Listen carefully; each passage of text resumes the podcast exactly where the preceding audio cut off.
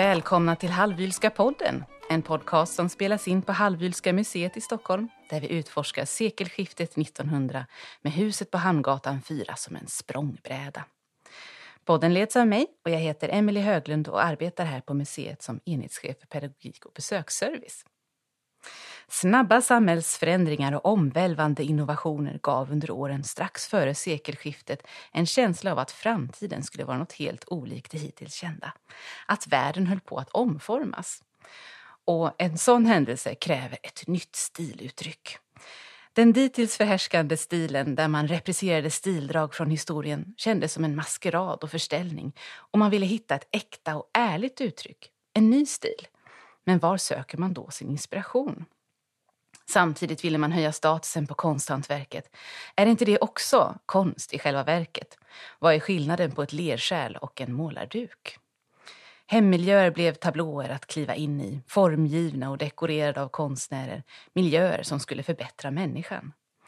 I detta avsnitt vänder och vrider vi på jugend, eller art nouveau, dess ambitioner och inspirationer. Och med mig i detta har jag intendent Samuel Norrby. Hej, hej. Välkommen. Tackar.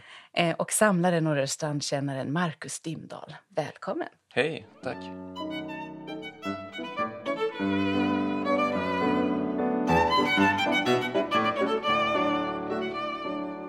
För att rätt förstå den här stilinriktningen kanske vi ändå borde börja i att beskriva lite grann hur det såg ut i ett typiskt borgarhem dessförinnan, alltså på 1880-90-talet. Ja, det är ju lite olika beroende på vilket land man talar om förstås, men om vi håller oss inom Sveriges gränser så titta på en högborgerlig våning från 1870 80-talen och början på 90-talen så är det ju mycket präglat av eh, nystilsestetiken vid det laget. Vi har eh, garnityr med möbler i nystilar, nyrokokon, eh, ny Louis XVI, nyrenässansen, tyska nyrenässansen var väldigt populär bland vad gäller möbler. Eh, vi har tunga textilarrangemang med dörrdraperier, eh, mörka tapeter, eh, takstuck som är kulört, mörka kakelugnar. En stil som är alltså mm, blomstrande i högsta grad på 1870, 80, bit av 90-talen men som ganska snart blir starkt kritiserad från olika håll. Mm. Och man tyckte att det kändes som en sorts maskerad på ett sätt. Men... Ja, Eh, en, en, man talar om att det är det, eh, den tarvliga tyska smaken och eh, just det här med maskerad, att det är stilar som återanvänds. De återanvänds ju i och för sig på ett helt nytt sätt och det är maskinellt tillverkade, massproducerade saker ofta och på det sättet egentligen ett uttryck av sin egen tid. Men det är ju stilmotiv som kopieras och så vidare. Och det här kritiseras ganska snart och hårt på ett sätt som har gett genklang i vår syn på den här tidens estetik än idag faktiskt. Och det kommer egentligen två skilda reaktioner på det här uttrycket. Ja, det, det vill ju jag mena. Det, det, ena är ju det här som vi framförallt ska tala om här. Jugendestetiken, jugendstilen, art nouveau och så vidare. Arts and crafts. Eh, men det finns ju också det som eh, representeras här på Hallwylska museet och Wilhelmina von Hallwyl att man vänder sig bort från de nyproducerade stilkopiorna och tar upp det äkta, det antika. Som Wilhelmina von Hallwyl när hon fyller sitt hem här med autentiska antika möbler och så vidare. Och inredningar med hög klass för hela hantverk och så. Så det är ju ett spår som fortfarande blickar tillbaka då till historien genom alla dess antikviteter men som ändå är en reaktion mot nystilsestetiken. Mm. Den nya stilen finns det inte jättemycket spår av här i huset. Det ska vi återkomma till eh, längre fram. Men den här nya stilen då, Art Nouveau, vad kan vi säga om den? Eh, den hade ju trots allt sina inspirationskällor. Ja, det är väl en, en ganska lång historia. Inget uppstår ju ur tomrum. Jag skulle se Art Nouveau som eh, en slags kulmen på en eskapism från eh, industrialiseringen, urbaniseringen och den, den tråkiga, trista vardagen i västlandet.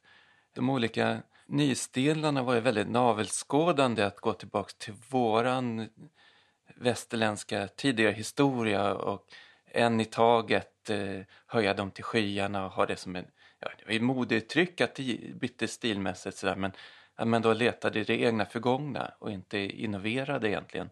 Men samtidigt så kom det en, en önskan då om en flykt som tog sig uttryck i exotism framför allt. Turkiet och um, Andalusiens moriska arv vart ju en slags ny stil. Man skulle gärna ha ett rökrum med eh, ett sånt eh, hexagonalt rökbord och eh, upp och nervända tinnar i, i takkassetterna. Men eh, precis som idag, man vill längre. Nästa grej, nästa grej. Och då får man söka sig längre bort. Då kommer ju Japan så småningom, men först Kina och Afrika. Men Japan var svårt, för det var ett slutet feodalsamhälle. Bara holländarna fick handla i liten utsträckning med dem. Tills eh, i slutet, ja, mitten av 1800-talet amerikanerna kom med sina kanonbåtar och sa nu öppnar jag upp för handeln med oss annars börjar vi bomba eller skjuta på Tokyo. Och då gav de sig och en ny tid i Japan öppnade sig upp. Edo-perioden blomstrade och eh, vi fick in eh, japanskt konsthantverk i Västeuropa framförallt eh, då i Paris och London, storstäderna. Och det konsthantverket var extremt dyrbart och eh, sällsynt. Gemene man hade inte tillgång till det. Men det fanns på museer och hos vissa samlare. Eh, mer betydande var kanske mm, de japanska träsnitten som man kunde reproducera med tryckteknik. Och därifrån eh, så fick vi diverse stilimpulser till eh, Art Nouveau. Ska jag ta dem nu? Ja, men eh, jag tänker vi kan stanna vid det japanska ja. lite slag och liksom beskriva vad var det för eh, visuella uttryck i det som var nya för väst och som blev en sån stark inspirationskälla. Om man vill spana efter det i ja, de här föremålen, vad är det liksom spår man tre, ser? Tre viktiga influenser till Art Nouveau. Och japonismen, och vurmen för den liksom, trenden, modet för det japanska är det starkaste. Och sen har vi symbolismen och i viss mån arts and crafts-rörelsen. Och från japonismen så fick man dels kärleken för växtmotiv. Man förstod noll av den japanska kulturen. Så där fick vi inget inflytande. Men eh, just att föremål, lacka, eh, askar och bronser och så som dekorerade med växter och asymmetriskt dekorerade och med tomma ytor som lämnade liksom spänningsfält mellan det dekorerade och det odekorerade och där gärna eh, den växt eller annat som var motiv stod i någon slags rörelseförhållande som så småningom utmynnade i den så kallade whiplashen. Sen mm. det kallar jag art nouveau för whiplash-stilen. Mm. Eh, med dessa rötter som slingar som en där. Mm. En rökslinga eller hårsvall eller Precis. Vissa mm. franska kritiker kallar det spagettistilen istället ja, som inte var lika uppskattande. Men det är också konturteckningarna som togs upp från just trä, eh, träsnitten. Och de påverkar ju flera västerländska konstnärer. I Sverige framförallt Carl Larsson. Man kan se väldigt tydliga paralleller till träsnitt i flera av hans eh, tavlor. Bland annat den här midsommarfrukosten när de står och knäpper förbereder liknar ett träsnitt med en japansk teceremoni. Både färg, palettmässigt och ytmässigt och uppläggning och så.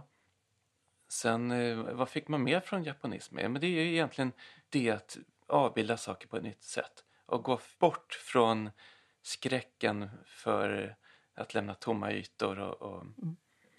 Och så just det som du sa också med, med blomster och naturen. Är det också någonting som kommer från Japan eller är det mer det här sökandet efter det oförkonstlade, oförställda, naturliga? Oförkonstlade kan man väl knappast säga att de japanska avbildningarna är. De är nog i högsta grad konstlade.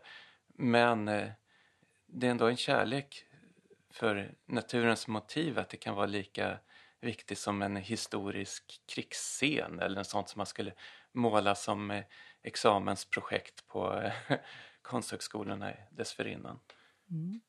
Jag tänker på många eh, som, bild, som skapade utifrån den japanska inspirationen som Emile Gallet till exempel mm. i Frankrike eh, ju hade en metodik där man skulle gå till naturen för att hitta motiven avbilda dem korrekt och sen först i det andra steget hitta en konstnärlig tolkning så att säga. Men att det var viktigt med den här äktheten. Mm, det, det tror jag är en ingrediens som tillkom mera hos Galé. För han hade nog ingen, inte den blekaste aning om hur japanerna framställde sitt konsthantverk. Utan man fick ju dem utan sin bakgrundshistoria när de kom i, skeppade på båtar som skatt, eh, skattkistor att upptäcka någonting helt nytt. Och för Galé så tror jag att han var mycket mer influerad av symbolismen också. Mm. Att man skulle tolka människans inre drifter och behov i konsten och att han någonstans såg sin naturkärlek som en drift han ville tolka. Andra som Muscha som var minst lika populär och som är en vanlig ingång till att eh, lära känna Jugendstil i artnivå än idag var ju mera kvinnan som begärligt objekt eller subjekt kanske. Mm. För mannens drifter är det kanske fallet. Via teaterannonser, sådana teaterposters som han gjorde. Eh, som också då ett symbolistiskt arv som letades in i motivvärlden för Art Nouveau parallellt med, med alla växterna. Och det fanns också en eh, stor kärlek för hantverk inom den här nya stilen som växer fram, som kanske har sina rötter i arts and crafts-rörelsen. Jag menar, arts and crafts-rörelsen, det var ett gäng medeltidsvurmande engelsmän som eh, vände sig bort från industrialiseringen och letade efter en slags eh, idealsamhälle. Och då såg de att ja, men före alla allt det som dominerade deras samtid så var ju medeltiden, där var ju det romantiska idealet med alla riddarna och dikterna och, och eh, det äkta hantverket där det fanns inget alternativ till att göra saker för hand. Så de tänkte att man ska göra sina egna tapeter, du ska trycka dem själv, du ska göra dina egna möbler. Och man tog upp eh, också motiv från medeltiden med storblommiga slingor och, och annat. Men eh, då blev ju det egna hantverket ett ideal. Kanske ännu viktigare eh, om vi ser arvet till artnivån som jag också tog det hantverksmässiga men där var det mer det exklusiva, det dyra, det fina, det liksom bästa som vi kan göra med eh, penna, pensel eller kisel det är inte, inte så mycket längre att man ska göra det själv, menar du? Utan eh, mer någonting som man konsumerar? Nej. Som jag ser det, viktigaste arvet från Asan-Kratz-rörelsen, rent ideologiskt arv, var tanken att det, det vackra föremålet hade en funktion i sig. Som eh, skönheten skulle smitta av sig på människans psyke så att när vi hade något vackert Eh, föremål i vår vardag skulle vår sinnesstämning också bli vacker och vi skulle bli lyckligare genom att ha det. Och det är en tanke som eh, kanske drev eh, sökande efter skönhet i föremålen i Art Nouveau och även senare filosofer som Ellen Key i Sverige tog upp det i sin vackrare vardagsvara.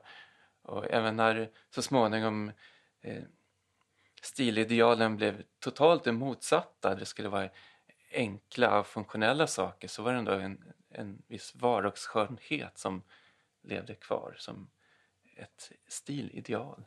Ja, det och det är, ju, det är ju inte en stildetalj eller man kan säga att som den här whiplash-kurvan eller något sånt utan det är bara rent tankemässigt gods som man har ärvt från Arts and Craft. Mm. Ett förhållningssätt där man också ju tillskriver livsmiljön och föremålen en väldigt stor vikt i formandet av människan och till och med samhället. Ja, och de här idéerna spreds från den ganska lilla kretsen i England via tidskriften The Studio som hade stor spridning över hela världen som man då läste och tog till sig. Nu pratar vi ju ganska mycket om, eh, vi har blandat uttrycken lite grann, art nouveau och eh, vi har sagt jugend och det finns en mängd olika epitet som man fäster vid den här stilen. Den nya stilen, 1900-stilen och så vidare. Eh, och jag vet att du, Marcus, har en särskild eh, anledning till att du tycker att det är just art nouveau som man ska prata om eh, när man talar om den här stilen i Sverige. Men annars brukar man ju mer traditionellt säga jugend längre bak. Ja, när det begav sig så sa man ju bara modern stil. Eller om man ville vara specifik så sa man modern fransk stil. Sen eh, som stilbegrepp, de, de kommer i enstaka användningar. Jag har tittat i gamla dagstidningar faktiskt, luskat lite i det. Om man redan innan sekelskiftet 1900 något år så pratar man ju om Art Nouveau men som referens till en butik i, i, i Frankrike, eh, Maison de l'Art Nouveau, som gav upphov till namnet senare. Och in på 10-talet, det finns ju även tidigare använt jugend eller jugendstil, refererar enbart till tyska importvaror som marknadsförs i annonser som ja, olika metallföremål framförallt. Men sen på 20-talet så blir det också ett stilbegrepp. Art nouveau kan, har jag sett som används som stilbegrepp i Sverige redan på 10-talet. Nu spelar det ingen roll vad man sa först utan det blev en stark reaktion där man tyckte att det här var gammalt och tråkigt och ingen brydde sig om det hela förrän på 60-talet då eh, det togs upp av ett gäng akademiker och ett par samlare och eh, då var det någon som bestämde sig för att kalla det för jugend i Sverige. Själv tycker jag att eh, art nouveau är bättre för att de svenska konstnärerna som uttryckte sig i stilen de var väldigt franskorienterande. Det var absolut Paris i första hand man åkte till när man fick pengar och stipendium att åka ut och se världen. I andra hand eh, klassisk Italien och Berlin. Mm. Så influenserna kommer kanske mer ifrån Frankrike då? Ja, och som eh, samlare av restaurangkeramik, det har vi inte sagt, mm. att jag är en av de ledande i världen på 18 mm. år keramik från restaurang så eh, har jag en, en, egen liten koppling där i och med att en av de viktigaste namnen, Algot Eriksson som var föreståndare för eh, konstateljén på restaurang.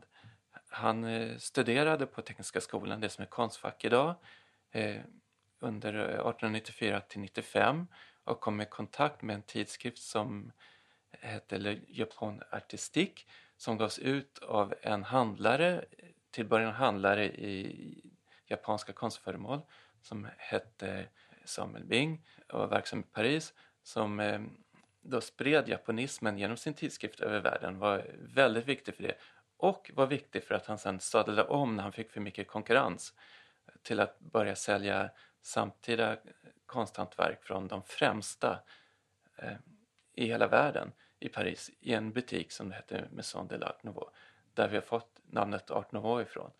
Och så då Algot läste hans tidiga Japan, japanistiska tidskrift och började göra saker vid restaurang som de sålde, sålde sen i Paris i just Bings butik. Mm. Så det tycker jag är en trevlig rundgång. Där. Ja, cirkeln slut. Precis. Jag skulle ändå vilja säga någonting om det här med begreppen. Ja, absolut. Som är ganska intressant hur man använder detta ord, jugend eller arno, då och nu. För det är ju, jag har sett många exempel på att sådana som arbetade i en stil som vi betraktar som utpräglad art själva inte såg sig som att de gjorde det. Mm. Eh, I Sverige har vi arkitekten Ferdinand Boberg som ju ofta framhävs som den stora arkitektnamnet i det här sammanhanget som har ritat Tilska galleriet och Centralposthuset och många andra byggnader i, i vad vi tycker är en, en, en svensk eh, jugend stil Men han sa själv att jag har aldrig arbetat i jugendstil. Och eh, Lars Israel Wahlman som jag har skrivit själv om en del, arkitekten som bland annat ritade Engelbrektskyrkan, brukar framhävas som ett mästerverk i svensk jugendarkitektur. Där skriver hans kollega Torben Groth eh, 1906 när Wahlman har presenterat sin ritning för den här kyrkan att arkitekten Wahlmans tävlingsförslag är genomgående organiskt och sunt, känsligt och kärleksfullt och skiljer sig lika mycket från den döda stilschablon vilken länge behärskat vår kyrkoarkitektur som från den lika torftiga och lika stela arkitekturjargong som kall, tom och steril under namn av art nouveau eh, epidemiskt gått ut över världen. Det skriver han 1906. Och om en byggnad som vi idag betraktar som ett uttryck av art nouveau. Mm. Så det här är rätt intressant. Stilen har omtolkats får man ja, säga ja. i efterhand. Just det. För många av de här som arbetade i art nouveau jugendstil såg sig många gånger inte som att de skapade något revolutionerande nytt utan att de återupptog gamla fina traditioner vad gäller hantverk och eh, folkliga eh, motiv och så vidare. Så det, det är ganska intressant. Ja, just Engelbrektskyrkan är en väldigt intressant smältdegel där vi ser eh, målarmåns eh, rent eh, medeltida rosarium och olika målade dekorer och sen har vi en romanticism som eh, på vissa håll Art Nouveau gled över i, mycket i Finland till exempel.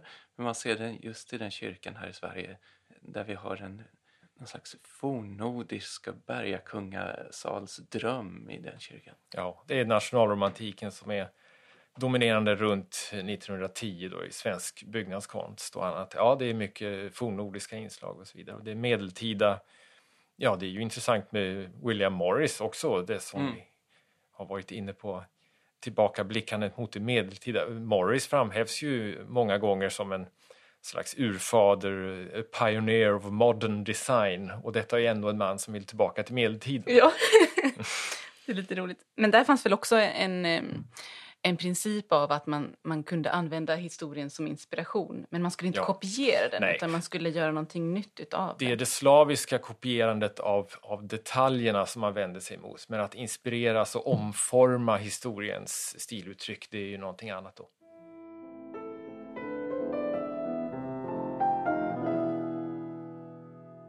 Det här är ju också en influens som kommer till Sverige via Gustaf Gustav Folker som ju också har band här till museet. Ja, det är ganska roligt. Eh, Erik Gustav Folker som var, han var amanuens vid Nationalmuseum, han var med och grundade Föreningen för grafisk konst, Svenska slöjdföreningens tidskrift och annat var han knuten till. Och han var ju, blev ju ett språkrör tidigt i sina artiklar för de här nya stilimpulserna. Det japanska, han åkte tidigt till England eh, 1891 och hälsade på Morris och Walter Crane och såna här och propagerade mycket för en nyorientering i Sverige på det engelska sättet men inte då att man eh, ska plötsligt införa en ny stil här i Sverige, det engelska stilar, utan att man eh, tar engelsmännens metod och omplanterar detta i svensk jord så att säga. Det var många som påpekade vid den här tiden. Lars Israel Wahlman, arkitekten, var också där och eh, propagerade på likartat sätt för att se på engelsmännen men vi ska göra det på vårt sätt. Mm. Och då började han rita eh, stugor och villor i allmoge romantisk jugendartad stil som är mycket intressant. Och så, så att, men Folker, ja, han var som sagt en, en av dem som faktiskt eh, pushade för den här nya stilen i Sverige ganska mycket. Och kopplingen till Hallwyl är att Folker anställs 1907 av Wilhelmina von Hallwyl, amanuens vid Nationalmuseum, för att katalogisera hennes samlingar. Mm. Eh, och det håller han på med ett par år. Eh, det är lite lustigt för det är de katalogbeskrivningar som man sen får göra om. för Wilhelmina von Hallwyl är, är, är, missnöjd med formuleringar och språket och beskrivningarna så att hon säger till sin assistent Lundgren, det här måste vi göra om. Och eh, stor förfäran sprider sig bland hennes assistenter. Att börja om från början med detta, men det fick de göra. Så Folker var anställd av Wilhelmina von Hallwyl, en av jugendstilens språkrör här i landet. Mm.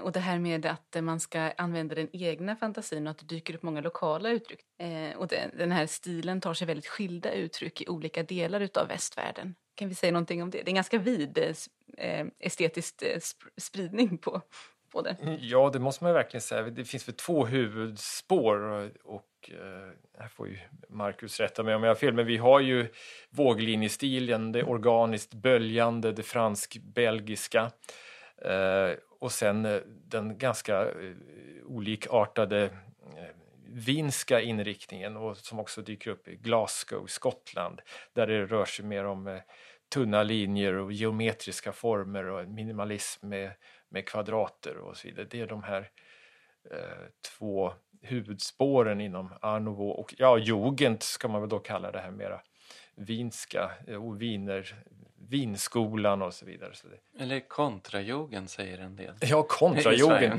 Just det. Ja. Intressant uttryck. Men ja. de, de, glid, de sitter ihop och glider över den ena ja. till den andra. Det är van de Velde bland annat som gjorde först det ena, sen det andra. Mm. Mm.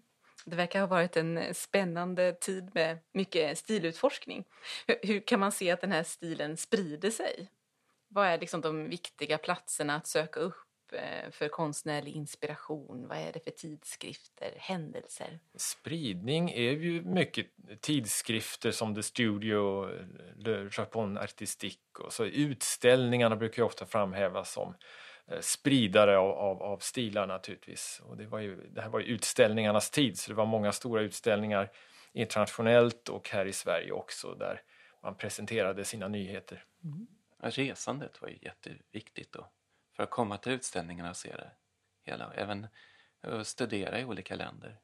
För konstnärerna de hade det nästan som en del i, i sin utbildning att det, efter man studerat här så ska man till utlandet. Och en del kom till Köpenhamn, en del kom längre. Mm. Och du nämnde tidigare också Paris som en särskild eh, plats där många... Ja, det var en hubb för eh, utbyte av idéer och tankar och de senaste moderna. Mm. Det här med att höja eh, statusen på konsthantverket då. Ett sätt att göra det kunde ju vara att man skulle locka konstnärerna till industrin. Vill ni berätta någonting om det? Det skedde ju gradvis att eh, det var Svenska slöjdföreningen som kanske drev den idén här i Sverige. Eh, kan inte riktigt svara på hur det såg ut utomlands men de facto så tog man upp ja, tidigare etablerade målare. Då, som, inte så mycket skulptörer, men det hände det också. Konstnärer, det var tidigare de som målade olja, punkt. Eller högg i marmor. Men eh, de danska porslinsfabrikerna var väldigt tidigare med att anställa eh, sina kändaste målare som formgivare för industrin.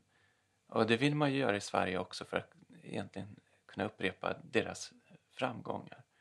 Ja, men konsthantverkets upphöjande är ju en av trenderna vid den här tiden och det är ju, eh, ligger i tiden att eh, arkitekter och målare ska bredda sitt verksamhetsområde. Va? Och det är ju det är ju arkitekter som Ferdinand Boberg och Wahlman då, som börjar göra andra saker också. Ferdinand Boberg gjorde allt möjligt, eh, form, silverskålar och möbler och, och textilier och Wahlman också ritade mycket möbler och sådär. Så det, de skulle ge sig in på de här områdena som de tidigare inte hade hållit på med arkitekter och, och målare också. Mm. Så det, det, är ju ett, ett spår som finns vid den här tiden att de breddar sin verksamhet och eh, höjer statusen på konsthantverksprodukterna därmed. De blir ju lite utav allkonstnärer ja, kan man det. nästan säga. Men äh, hänger det här ihop med äh, den här starka tanken på livsmiljön som ska omforma människan, att man vill då skapa hela miljöer och inte bara jag vill inte säga skal för det känns lite nedsättande om arkitektur men du förstår vad jag menar. Det ja, blir som en inramning för just annat det, det här socialestetiska kommer ju in i det hela också. Det finns ju arkitekter som, och Carl Westman är en sån som formger möbler för mindre bemedlade hem, arbetarmöbeln som han gjorde är ganska känd. Det finns ju en vilja att förbättra människors liv och eh, moraliskt upphöjande så att säga överhuvudtaget genom vackrare miljöer. Och här är ju Ellen Key också ett stort namn skönhet för alla. Och så det här är en fråga som eh, arkitekter och formgivare ägnar mycket tid åt under de här åren. Det har sagts att eh, japanerna inte gjorde skillnad mellan att måla tavlor och dekorera föremål och inte ens hade, ett, hade olika ord för det. Men jag har förstått att det kanske är en grov förenkling av det japanska språket. Men eh, dåtidens europeer kan ju ändå tänkas ha tagit den tanken och säga att nu ska vi också upplösa gränserna här. Um, nu halkar jag in lite grann på det här med det lokala uttrycket. Om vi pratade om att det kunde se så olika ut och man skulle använda den egna fantasin, gärna lokala motiv också. Vad var det som blev utmärkande för den svenska formen, svensk art nouveau? Det är lite olika om man ser på konsthantverk eller arkitektur, och vi har ju nämnt Engelbrektskyrkan, då, ska man inte, då får jag tips om Hjorthagenskyrkan som en eh, jättefin pendang nästan dit. Om man vill se ett ganska annorlunda uttryck kan man åka till Saltsjöbaden och se kyrkan där som är mycket mera, ja den är också en blandstil. Det är Hjortsberg och Milles och eh, Målar-Måns igen men eh, ett bysantinskt kapell med guldmosaik finns det också som snarare en föraning om eh, Gyllene salen i Stadshuset. Men inom konsthantverket då, vad är specifikt svenskt? kanske en önskan om att ta det, den svenska naturen motivmässigt och eh, även färgmässigt kan man hävda. Men det kan ju lika gärna vara ett resultat av eh, tillverkningstekniker, vad man kan eh, ha för färger. Men i allmänhet det är ganska mycket gemensamt mellan länder. Vi har inte så mycket av den här kontrajuggen eller wienersecessionsstilen. Det finns i det också, kommer med in på 10-talet. Den svenska konsthantverken är kanske snarare influerat av galé och av dansk keramik. Och danska silversmeder kanske också i viss mån. Mm. Men är inte användandet av inhemska floran och faunan ändå någonting som gör det särskilt svenskt. Så det är väl redan Verner von Heidenstam som skriver någonting om det där ja. 1893 om jag inte minns fel att han får ett litet utbrott i någon eh, artikel att man borde ju använda det, de svenska blommorna och vad han nu har för exempel där. De är väl lika mycket värda som de här gamla eh, klassiska motiven och mm de står redo att göra tjänst ja, just dekorerandets eh, ja. tjänster. Och han blev ju eh, hörsammad får man ju säga vad gäller det för det är ju just sådana motiv som man tar upp sen både i formgivning och, och i arkitektur. Svenska ekorrar och grankottar inhuggna i granit eller formgivna i, i, i keramik och det, det, det ser man ju mycket. Mm, jag tror arkitekten Carl Westman också har sagt något i stil med att eh, hellre hund och maskros än lejon och akantus. Man ska liksom röra sig bort ifrån den klassiska stilhistorien och med den här antikiserande eh, motiven och sen hitta det lokala som på något sätt då skulle vara lite mera äkta, mm. föreställer jag mig. Ja, de allra tidigaste svenska föremålen är mycket mer japanska. Det kan vara bambu och eh, olika exotiska fåglar och fjärilar. Och sen kanske man gick över till svenska fjärilar och vide eller just tall och gran och den typen av motiv. Mm, jag tänker på Gunnar Wennerberg som ja. ju använder mycket svenska blomster i alla fall i sitt eh, porslinsdekor.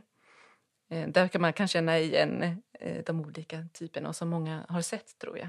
Klöver till exempel. Mm. Han formgav tidigt ett antal servisdekor som egentligen är ganska engelska i grunden men där han då har bytt ut blommorna lite till svenska. Mm. Och han hade lite... och, och liljekonvalj och så. Mm. Och han hade lite samma metodik som Emil Gallé, det här att man skulle eh, se till naturen först och teckna av och göra botaniska skisser som man sen utgår från när man hittar de här lite mer stiliserade formerna som sen tar plats på godset. Ja, den faktiska arbetsprocessen kan vi bara gissa till men eh, det finns jättefina bevarade skissböcker där han har eh, i akvarell tecknat olika blommor. Inte bara svenska då eftersom han var mycket i Paris och mm. runt i världen. Men eh, det, det har ett par vackra planscher man kan se här på utställningen på museet. Mm. Där har tryckt upp ur en av hans skissböcker. Just nu när vi spelar in den här eh, podcasten så står det en utställning i Gästrumsvåningen som just handlar om den här stilen och hur den kommer till Sverige. Eh, och den eh, tar sitt slut i augusti 2023 ska jag säga. Så att eh, man inte kommer hit senare och förväntar sig att den ska finnas kvar. Men man kan alltid också hitta information om tidigare utställningar på hemsidan om man är nyfiken. Men man kan se en liten annan estetik också. Du pratade om en influens från Danmark i, vad gäller keramiken. Är det starkeldsgodset som du tänker på då? Där är det ju inte riktigt de här böljande formerna och så som Nej, starkeldsgodset eh, det är en term som kanske kommer från eh, Paris där små keramiker som hade arbetat i lergods började bränna lite hårdare och ha en lite annan massa som man då kallade för starkeldsgodset, eh, starkeldsglasyrer, stengods, gräsceramik som man kanske sa då i, i Frankrike. Men eh, våra influenser i porslinsfabrikerna som mycket kom från eh, Köpenhamn och Kunglig Dansk och Binga Gröndal det var en helt annan grej. Det som kallas starkeldsgods var eh, lågeldsgods för de industrierna. För man brände sitt porslin i ännu mycket högre temperatur. Mm. Det var inget som man kunde göra i sin hemmaugn. Nej, just det. Starkeldsskaparna, eller vad man ska säga, de som eh, skapade starkelsgods, eh, de byggde ofta sina egna ugnar. Ja, man kan säga om de eh, tidigare hade bränt lergods i runt 800-900 grader så förbättrade man ugnarna tills man kunde bränna i 11-1200 grader och utföra stengods. Medan porslinsindustrierna brände sitt högbrända fältspatsäkta porslin i någonstans runt 1350 grader. Mm. Och eh, benporslin som eh, var kan man säga, graden under, den är runt 1250. Det är inget man vill göra i trädgården hemma. Så det, det, det närmar man ju sig stengodset. Så benporslin och stengods är, är mer en skillnad vilka råvaror och det är lite krångligare att göra rena massor med kaolin och fältspat eller benmjöl i benporslinsfallet.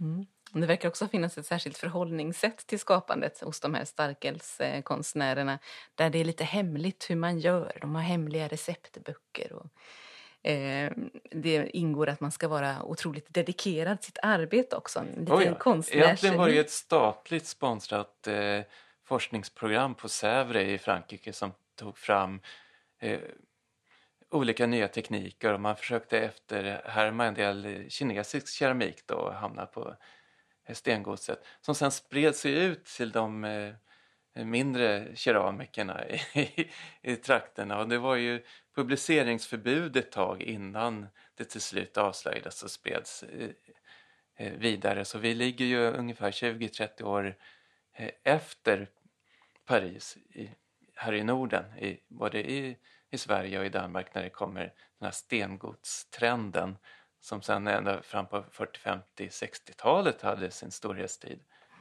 Det gällde att knäcka koden helt enkelt. Man kunde inte läsa sig till det utan man fick experimentera fram. Jo då, de läste så småningom det som publicerades. Men man kanske inte framhöll det utan man ville gärna framstå som Mhm. lite mystiska och magiska.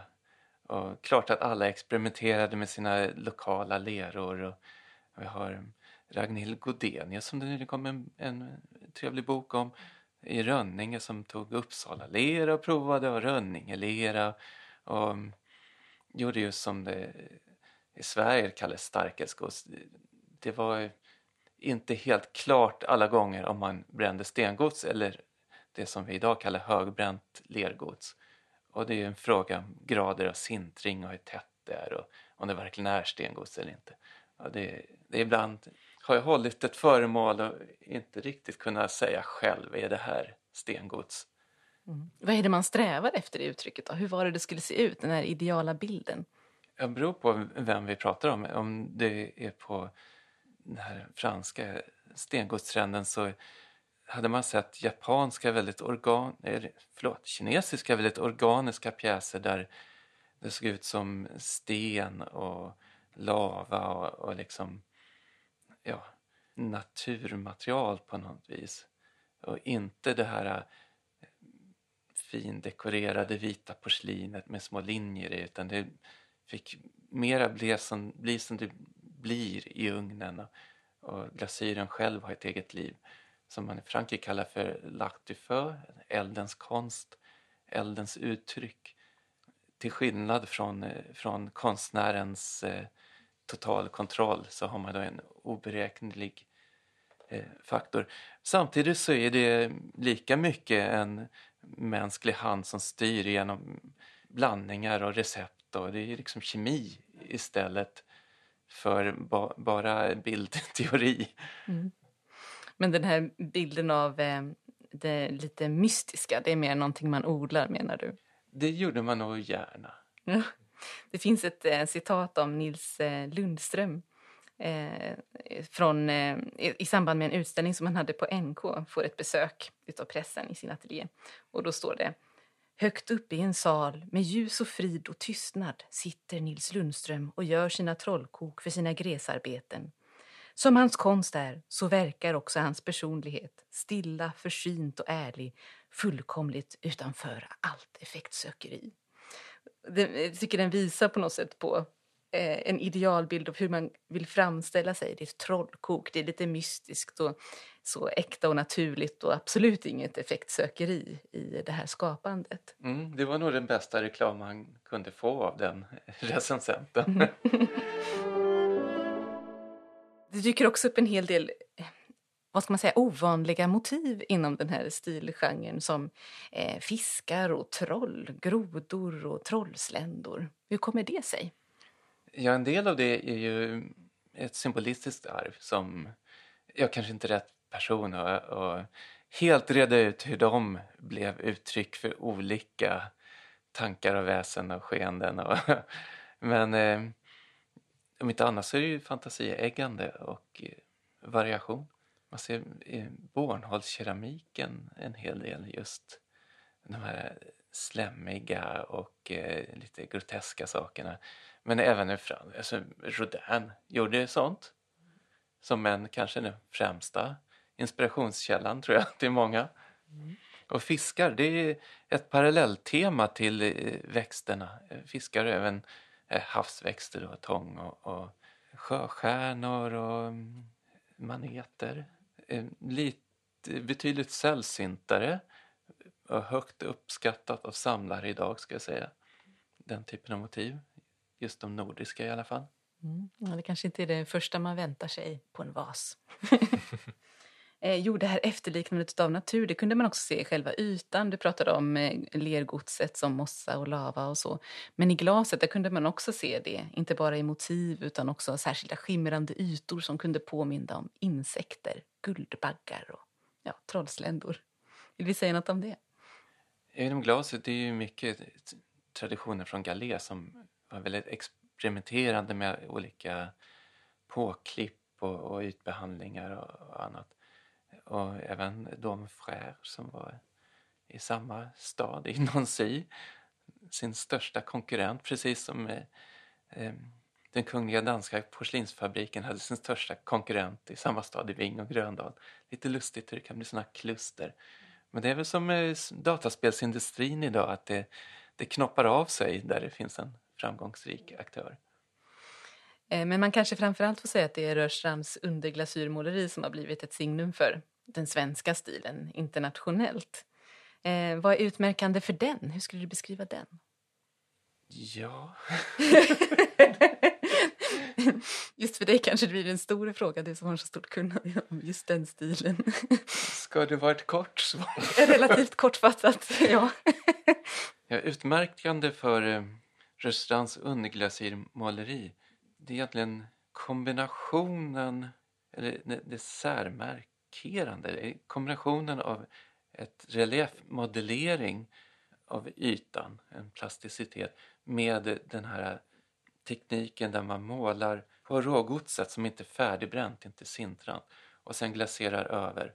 Och med underglasyrmåleriet, det har man gjort på servisdekorer i århundraden men det var nytt för hundra år sedan att göra det mer konstnärliga intentioner och göra ja, betydligt eh, mer avancerade motiv än, än lite blå streck på en tallrik. Och det sär, säregna är att godset och färgen och glasyren smälter ihop till ett material där en gradient från ytan och inåt där färgen löses upp i både glasyr och, och yttersta delen av, av godset. Så det blev en, det blir en väldigt speciell eh, lyster samtidigt som eh, ja, det är egentligen det högbrända under glasyrmåleriet som det smälter ihop. Sen kan man göra lågbränt där det ligger mera eh, fast mellan glasyr och porslinskropp eller om det är någon annan typ av massa. Men just eh, det här högbrända då, och den tradition som först började i, på Kunglig Dansk på mitten av 1880-talet och kom igång i större produktion någon gång 1890-1895. Öresand tog upp det 1895 och var ganska snabbt till 1897 eh, i stort sett kom ikapp de danska redan. Så man kan säga en femårsperiod, 1895 till 1900, så gjorde man en komprimerad version av 20 år i Köpenhamn mm. i, i tekniskt eh, hänseende. Men Rörstrands känneteckning är då att man modellerade i porslinsmassan ett motiv först innan man målade och, och glaserade och brände. Så att man har de här svaga relieferna, ibland starka reliefer, ofta genomskärningar så att det är liksom utskurna partier i, i kropparna eller på vaserna eller i mynningarna. Så. Mm. Kännetecknar. Så har man ju då motivvalen som är nordiska också.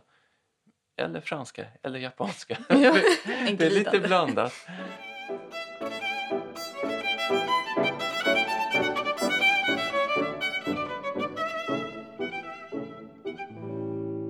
Det är det här uttrycket som, eller skapelser av det här uttrycket eh, som du nämnde tidigare också fanns i Maison de l'Art Nouveau eh, mm. i Paris. Absolut, och på världsutställningen 1900. Det var inte bara det Rechan gjorde. Rechan ville nog prova på alla möjliga specialiteter som andra fabriker hade och visa att titta, vi kan också det här. Så det finns ju en hel del Lac keramik som inte alls är uppmärksammad men som Rechan gjorde. Ofta i, i lågbränt porslin som är då högre bränt än det högbrända lergodset eller stengodset. Eh, där man experimenterar med reducerande bränningar och oxblodsglasyrer, aventuringlasyrer som är små glittrande järnpartiklar i en glasartad yta, ofta med svart underglasyr eller rouge flambé som är variant av oxblod där man eh, söker att det ska vara flammigt och blått och liksom stråk och, och det visar man gärna upp. Det var ingen stor försäljningsartikel kanske men eh, för de riktiga samlarna så kanske det var ännu häftigare än det mer konstnärligt dekorerade med pensel mm. eller spray airbrush som det sen ofta blev. På världsutställningen 1900 till exempel visar man en hel del sånt. Även stengods i liten, liten utsträckning från porslinsfabrikerna. Mm. Gustavsberg kom senare att ta upp en sorts stengods några år senare, men som störst runt 1908-1909 som just Gunnar Wennerberg eh, var mycket förtjust i. 1908 gjorde han nog bara det, mm. Vad jag kan se. Det, men det följer efter en fransk keramikern som hette Damus som är mer som tjocka, feta emaljfärger nästan ovanpå. Det är inte den här eldens konst i det fallet. Mm. Utan det finns olika traditioner som går hand i hand och omlott. Och det finns ja. mycket att upptäcka just keramiskt. Det är en komplicerad stil att bena ut det här. Eh, ibland så kunde ju den här stilen vara som en hel rörelse, nästan lite ideologiskt har vi varit inne på. Men det kanske, här i Sverige i alla fall, var mer vanligt att man hade bara något enstaka föremål snarare än att det skapades hela miljöer i den här stilen. Eh, ja, det måste man ju säga om vi tittar på det är ju en stor skillnad på utställningsmiljöer och den typen av eh, skapelser som man ofta ser som illustrationer i konsthistorien nu i böcker. Eh, men om man tittar på realiteterna, hur folk faktiskt bodde och inredde och vad de hade för konsthantverk och så vidare, så var det ju ofta någonting annat och det är ju ytterst sällan man ser i Sverige ett, en hemmiljö som är helt genomförd i, i Art Nouveau-stil. Det, det, jag har tittat på väldigt många gamla hemmiljöer från den här tiden och det, det ser man inte. Utan stilen smyger sig ju in mera. Det kan vara i textilier kanske till en början. Man, man köper någon armatur och lite keramik och så här. Men det här helhetsgreppet som arkitekterna kanske ofta var ute efter, men det, det, det, så blir det ju inte i realiteten.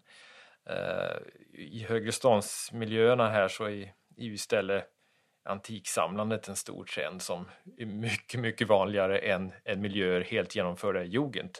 Det måste man ju säga.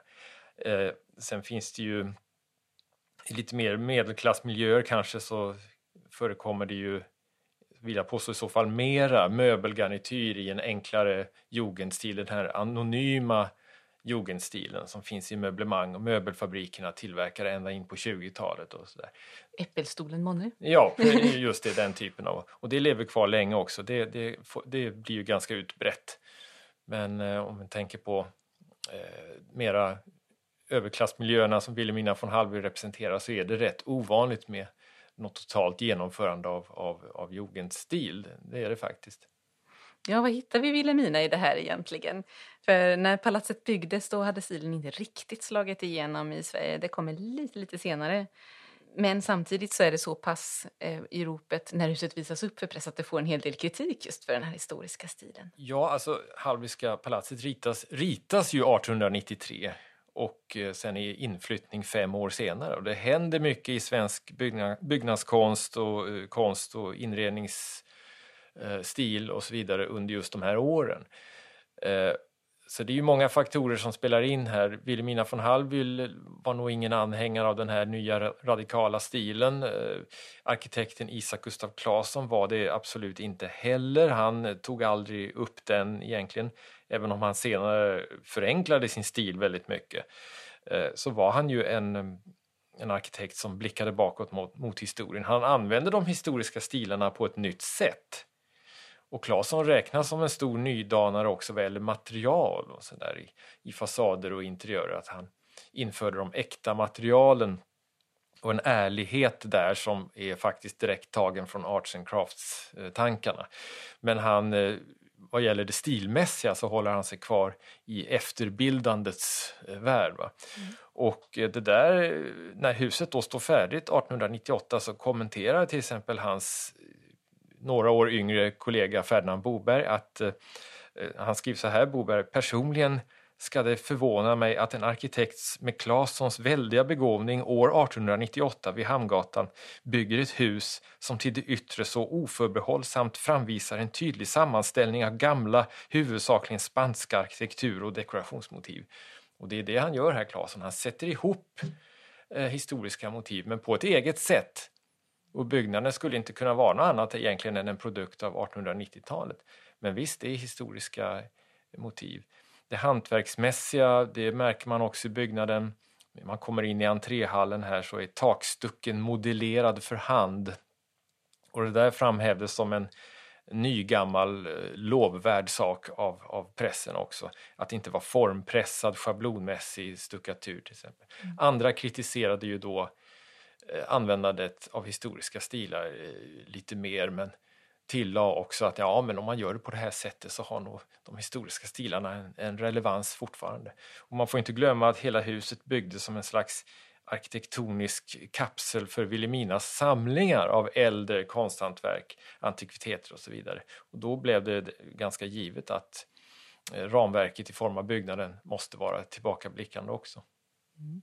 Claesson går ju i försvar också han har en lite träffande kommentar om just, ja, just historiestilen som ett sorts ankare. Ja, um, han är, uttrycker sig eh, elegant vad gäller också, och det är nog Art Nouveau och Jugend som han menar då att um, han, eh, han ser det som ett nyhetsbegär på något sätt. Va? Att går det verkligen att skapa en helt ny stil, tänker Claesson. Man, man är alltid rotad i, i föregående stilar, vare sig man vill eller inte. Så att han eh, eh tycker nog att kopierandet, och då blir det citat här, är ett ganska naturligt famlande efter något säkert ankarfäste i det förflutna för den under revolutionens stormar vinddrivna och roderlösa farkosten. Och det är, ju, det är ju ett snyggt sätt att säga att eh, i en tid som har mycket omvälvningar omkring sig, det, och det hade ju sena 1800-talet, industrialism och samhällsförändringar på alla fronter, då är det naturligt att man vill finna någonting tryggt i de äldre eh, stilarna och i, i historien. Eh, och det är ju bland annat därför historieromantiken är en, ett stort fenomen under just industrialismens 1800-tal. Ja, det känns verkligen som två skilda vägar att välja. Ja, antingen. Men byggherren har i alla fall fått eh, smugit in två samtida detaljer av eh, Alfa Lander som var sin tids och än idag den mest framgångsrika konsthantverksformgivaren inom Art Nouveau i Sverige.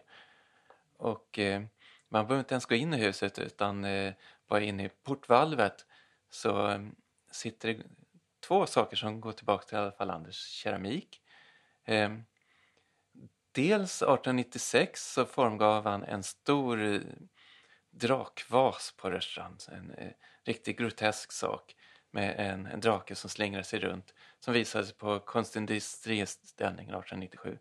Och den ekas i en, eh, en stor bronsdrake som sitter på trappen upp till kontorsdelen av huset. Um, ja, det är en lykta, ja. En, är formgiven lykta, som precis. En, ja. Och, um, det är svårt att eh, Eh, sätta fingret på exakt vad är Art Nouveau eller Jugend den här. Men det är en, en av hans tidiga verk som han gör en version av där. Och just eh, det konsthantverksmässiga och exotiska. Det är, återigen drömmen bort till eh, sagornas värld, eskapismen från det tråkiga.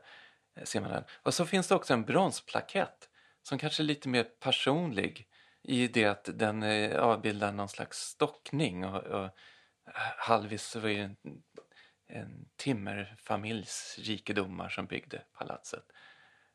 Och i den ser man också massa, ett par sjöjungfrur kanske är fel ord, är det okeanider? Najader eller något sånt ja, där. Eller, de har fiskstjärtar och det är både män och kvinnor och blåser i någon snäcklur och så här, som jag vet inte om de övervakar timringen eller bara är där och ser vad som händer. Det går ju tillbaks på eh, en skål han gjorde, en serie skålar, en liten serie med alla unika skålar som han gjorde vid Rörstrand eh, från 1897 till kanske 1899 eh, med just samma, samma sjömän och sjöjungfrur och, och blåsande till snäckor. Jag vet inte när den är gjort, jag skulle gissa 1890. 1899 kanske. För just 1899 kom exakt samma motiv i des, det årets Fredmans epistlar som Alf Wallander fick illustrera. Ja, den är nog gjord eh, definitivt före 1898 när huset är helt färdigt. Kring 97 skulle jag ja, säga. Ja, men det kan nog stämma. Då är det lite tidigare. Så han använde den idén med dessa sjöjungfrur och eh, sjömän eh, ett, ett flertal gånger. Ja, det är ju ganska roligt att en av eh, Art Nouveau-stilens portalfigurer ändå var inblandad i det Hallwylska huset som som sagt inte i sin helhet på något sätt ger intryck av, av jugend. Timmerutskeppningen heter den där reliefplattan. Ja. De kallar den i huset för övrigt som en anekdot för stamtavlan. Men det var ju, hela motivet var ju en referens till familjeföretaget och deras sågverksimperium. Mm. Ja, trots att det finns den här historiserande inramningen i huset så finns det ju faktiskt en del föremål ändå som, eh, som, som är ett uttryck av den här stilen. Ja, det har smugits in några, en handfull exempel i porslinssamlingen och där är det bland annat sånt som Wilhelmina von Hallwyl har fått i gåva. Eh, men hon besökte också Baltiska utställningen i Malmö 1914 och köpte en del exempel då på eh, eh, glas och keramik. Och, och det, det, räknas väl numera som ett, ett skede där den stilen började klinga ut i Sverige men hon, hon verkar ändå velat ha några exempel på detta nya i sin samling så det, det köpte hon faktiskt.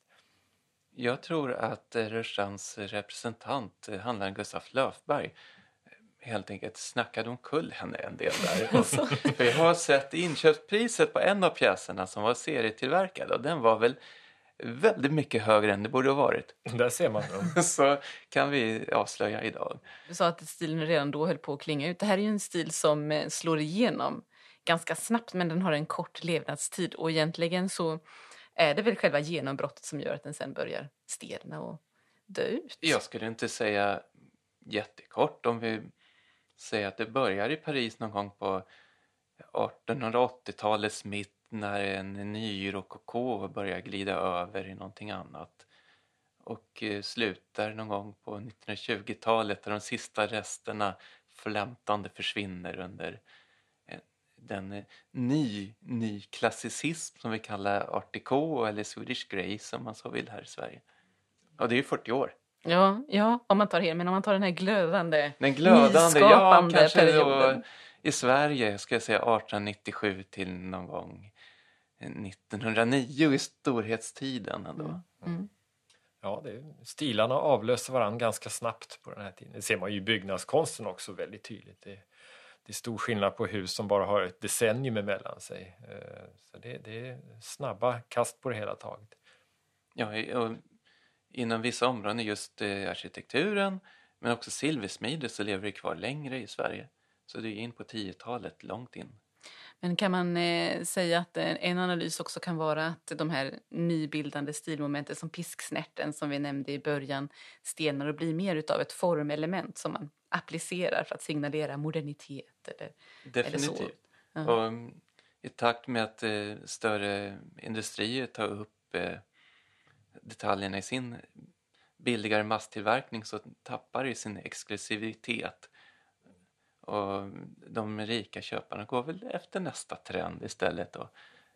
Ja, det är väl den här massproducerade Württembergische Metallvarenfabrik är väl ett exempel på det. Ja. Och jag tror att eh, begreppen eh, jugend blev ju ganska snabbt förknippat med den typen av produkter. Det är kanske därför till exempel Ferdinand Boberg säger att jag har aldrig arbetat i jugend. Eh, det måste ha varit någonting sånt. Mm.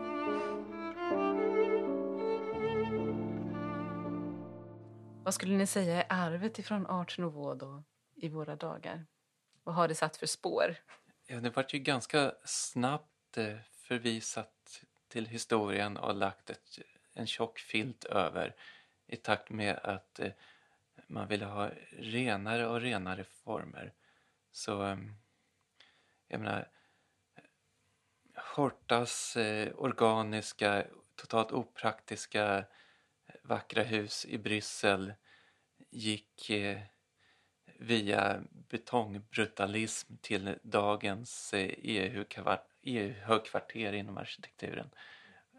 Det skulle vara funktionellt och rent och gå att massproducera och dekoren, den här tanken med att den skulle göra oss glada, den, den försvann och kom tillbaka på ett annat sätt. Det var helt enkelt andra stilideal. Och med det så glömdes stilen bort i ganska många årtionden. Samtidigt som det fanns ju de som höll kvar i det. Om du ser på tidiga Disney-filmer, jag menar Snövit och Bambi och så, man kan inte säga att det är art nouveau, men man kan se en influens ändå i just kurvor och linjeföring och det var den här svensken, vad heter han? Teng ja, Gustav Tenggren, ja. Just det. Mm. Som delvis ansvarade, man ser även långt senare i Disney-produktionen Lilla Sjöjungfrun eller ännu mer Den svarta kitteln om någon har sett den. Just det. Så ser man tydliga influenser.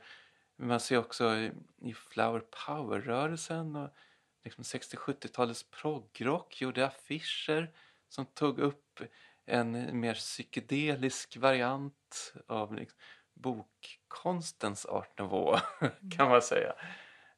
Men eh, ja, idag, se på um, Sagan om ringen-filmerna där uh, alverna som ska vara det, uh, de äldsta högstående traditionerna, ja, men de fick art nouveau som sin tematik. Det dyker upp uh, inom film och inom design då och då. Mm. Mm. Vissa mer eller mindre tydliga referenser. Mm. Men kanske också en del tankegodset ändå. Den här tanken om att eh, livsmiljön kan omforma människan kan man ju se ett spår av i modernismen och när man gör de här stora miljonprojekten där tanken ska vara ren. Men det är en helt annan estetik. Mm. Eh, mm. Har du något inspel? Som Nej, jag vet inte. Kanske tankarna om, om eh, det, det, upphöjningen av konsthantverket som konst som ju i alla fall uppträder då under Art perioden den lever väl kvar ändå. Att man, det är fortfarande en, en status i att formgiva bruksföremål och så. Eh, alltså den typen av tankar som först uppträder i, i, i anslutning till Art konstens genombrott, det, det, har vi väl fortfarande kvar. Mm. Ja, det var ju ett misslyckande såväl för Arts som Kraft som för Art Nouveau som för Art Icon där man ville förgylla människans vardag. Men alla gjorde det dyrt och opraktiskt. Just det. Så det är först eh, några årtionden senare som det faktiskt lyckas komma industridesign som är tillgänglig för alla. Både ekonomiskt och eh, produktionsvolymsmässigt. Ja, det kräver kanske just en industriell masstillverkning för att det ska passa de flestas plånbok. Just det som man vänder sig ifrån i början. Eh, det kanske får eh, avsluta det här avsnittet ja. lite hyfsamma. Motsägelsefullt. ja, ja, minst sagt. Eh, tack så mycket för att ni kom hit. Tack Marcus, tack, tack eh, Samuel tack. och eh, tack alla ni som har lyssnat till oss.